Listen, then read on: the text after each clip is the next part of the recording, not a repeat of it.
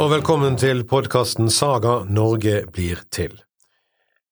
Dette er episode ni, og i denne episoden skal vi høre litt om hva slags samfunn det egentlig er vi snakker om i Norge på 800-tallet. Harald Hårfagre har akkurat vunnet Trøndelag, etter å ha gått i forbund med Håkon Jarl. Det har vært en hektisk sommer og høst, nå nærmer vinteren seg, og de siste ukene før vinteren går med til å etablere en flott ny kongsgård på Lade. Det er her giftermålet mellom Håkon Jarls datter Åsa Håkonsdatter og Harald skjer denne vinteren. Hele Norge og Haralds rikssamling går i vinterdvale og venter på hans neste trekk. Harald sitter på Lade, Guttorm, onkelen, sitter i Innlandet, og Håkon Jarl dyrker vennskapet med Harald denne vinteren. Men hva slags Norge er det Harald forsøker å samle, og hvordan kan en hær av østlendinger plutselig bare komme ramlende usett over Dovre? Det har skjedd veldig mye i hundreårene før Haralds tid. Norge har gått fra å være et samfunn av nomader som flyttet fra sted til sted, til å være et samfunn av fastboende bønder. Eiendom, eiendomsretten er faktisk et ganske nytt konsept på denne tiden, og det har vokst frem, og med det et behov for system for å avgjøre tvister om eiendom og rettigheter. Dette er blitt tingsystemet. Og selve denne etableringen av eiendomsretten som prinsipp er kanskje noe av grunnen til at Norges samling skjer akkurat på denne, dette tidspunktet, for det er nå et behov og et eh, behov for å styre eh, tvister om eiendom, og ha en makt som har mulighet til å sette makt bak denne styringen. Men i tillegg så har etter hvert noen begynt å samle seg ganske mye eiendom og bli rike og stormenn, og de kalles jarler og herser alt dette sånn.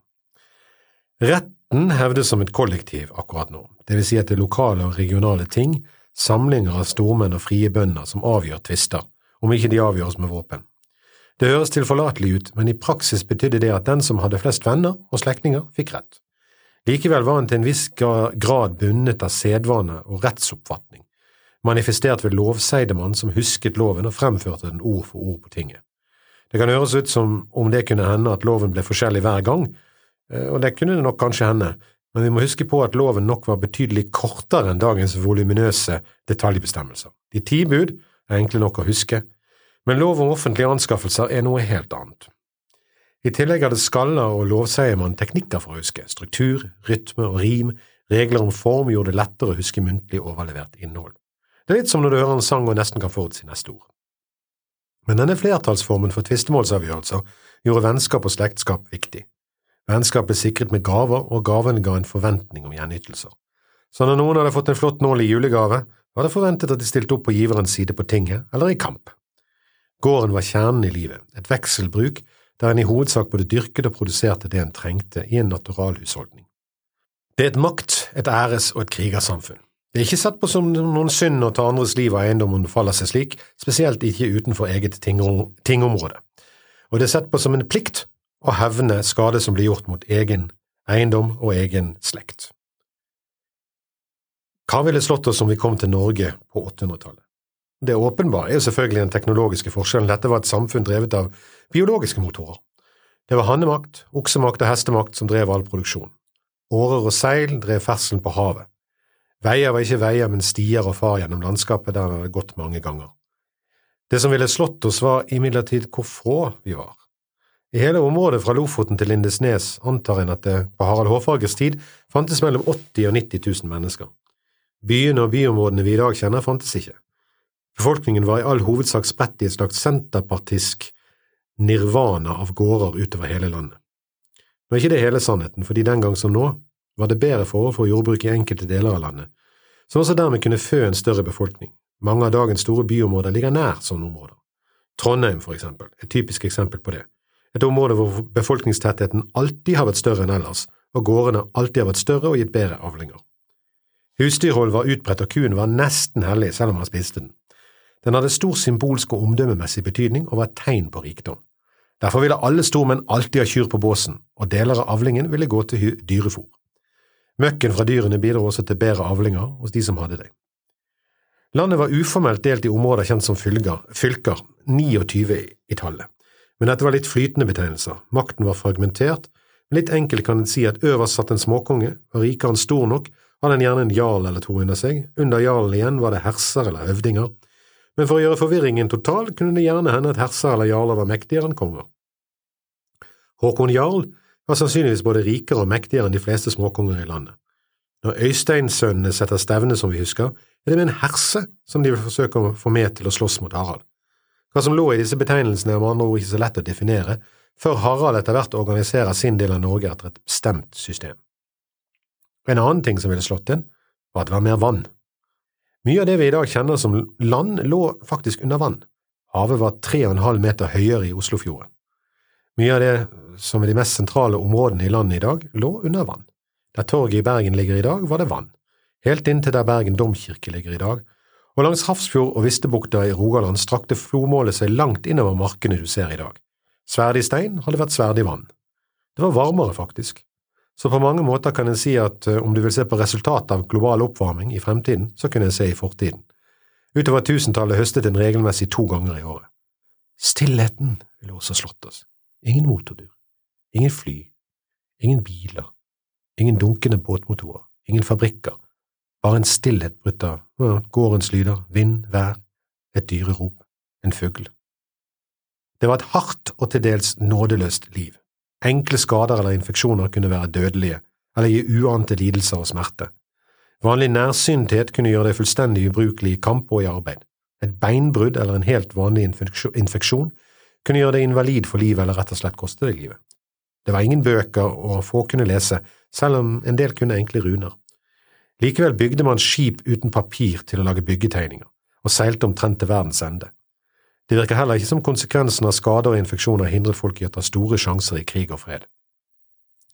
Men kanskje var det filosofiske skillet mellom liv og død ikke så tydelig som i dag. Tanken om livet etter døden som en evig fest i Valhall, og spesielt forestillingen at om for å komme til Valhall så måtte en dø med støvlene på i kamp, gir tiden trekk av en viss retning av dødskult. Det gikk også hardt for seg, veldig hardt for seg, Rundt hvert femte barn nådde aldri femårsalderen. Omtrent en tredjedel nådde aldri å bli 20. Langt under 10 prosent ble over 50.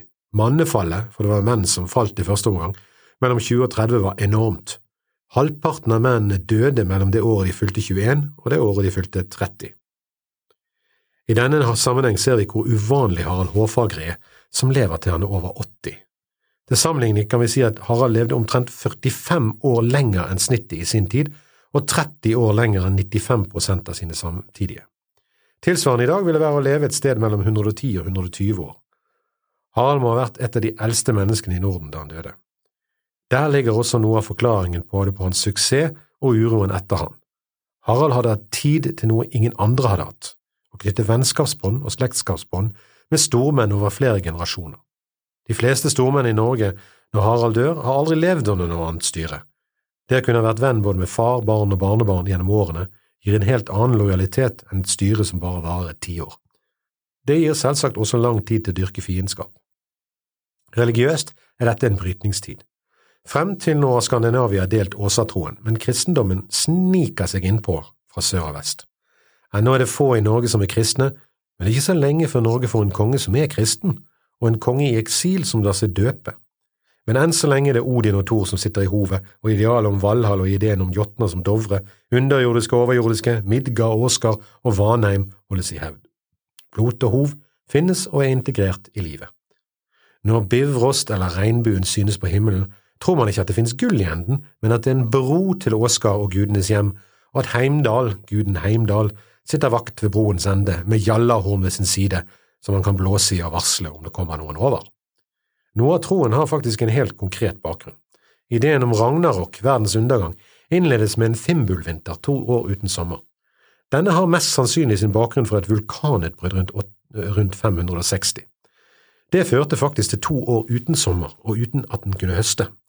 Denne opplevelsen må ha innprentet seg så sterkt i menneskenes minne at den har integrert det i mytologien, og dermed sørget for at det huskes.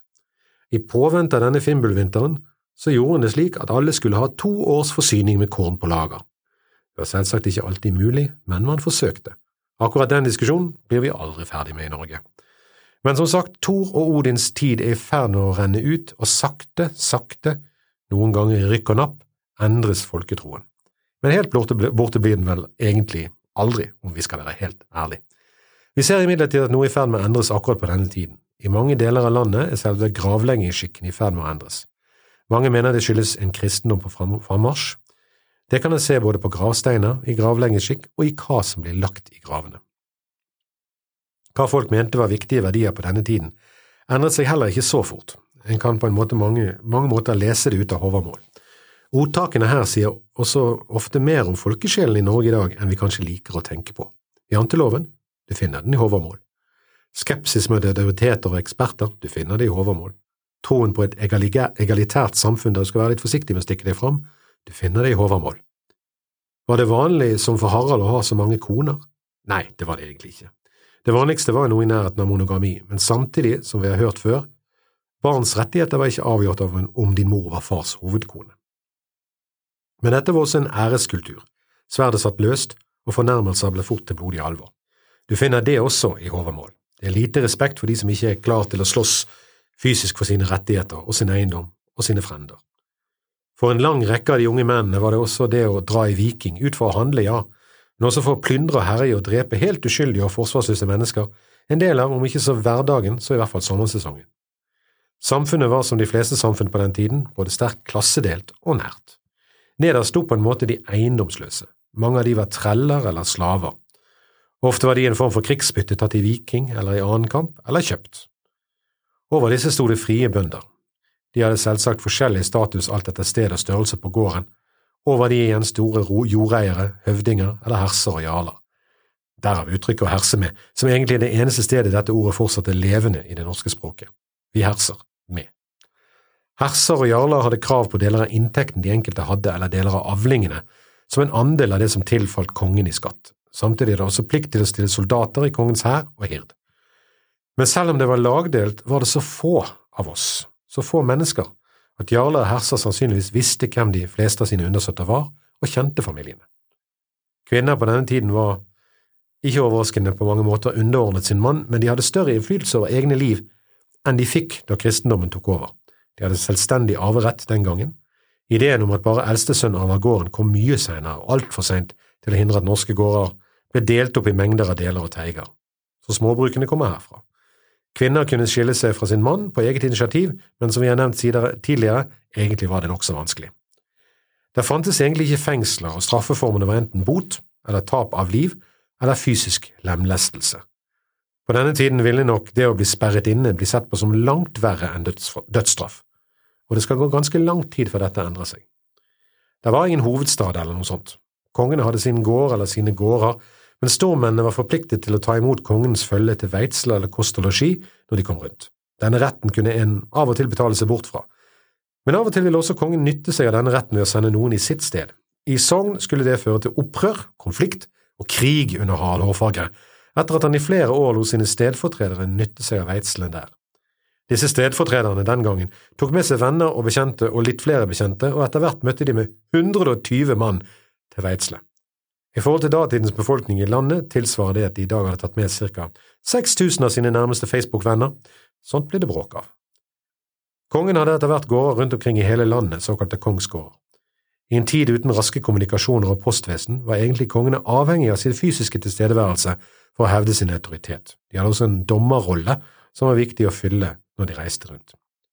Det var ikke noe pengevesen slik det var i andre land, der kongens autoritet ble understreket av hans hode på en mynt. Det skjer først når Olav Tryggvason kommer til makten på slutten av 900-tallet. Frem til da, og selv etter det, er det i hovedsak en naturalhusholdning og en barterøkonomi. Likevel er det ikke helt tilfelle for sølvet og andre edle metaller som kommer inn gjennom raidene til nedover i Europa. Vi husker Ragnar Lodbroks 2,5 tonn sølv ble uten tvil brukt som betalingsmiddel, men i hovedsak var det fortsatt en bytteøkonomi.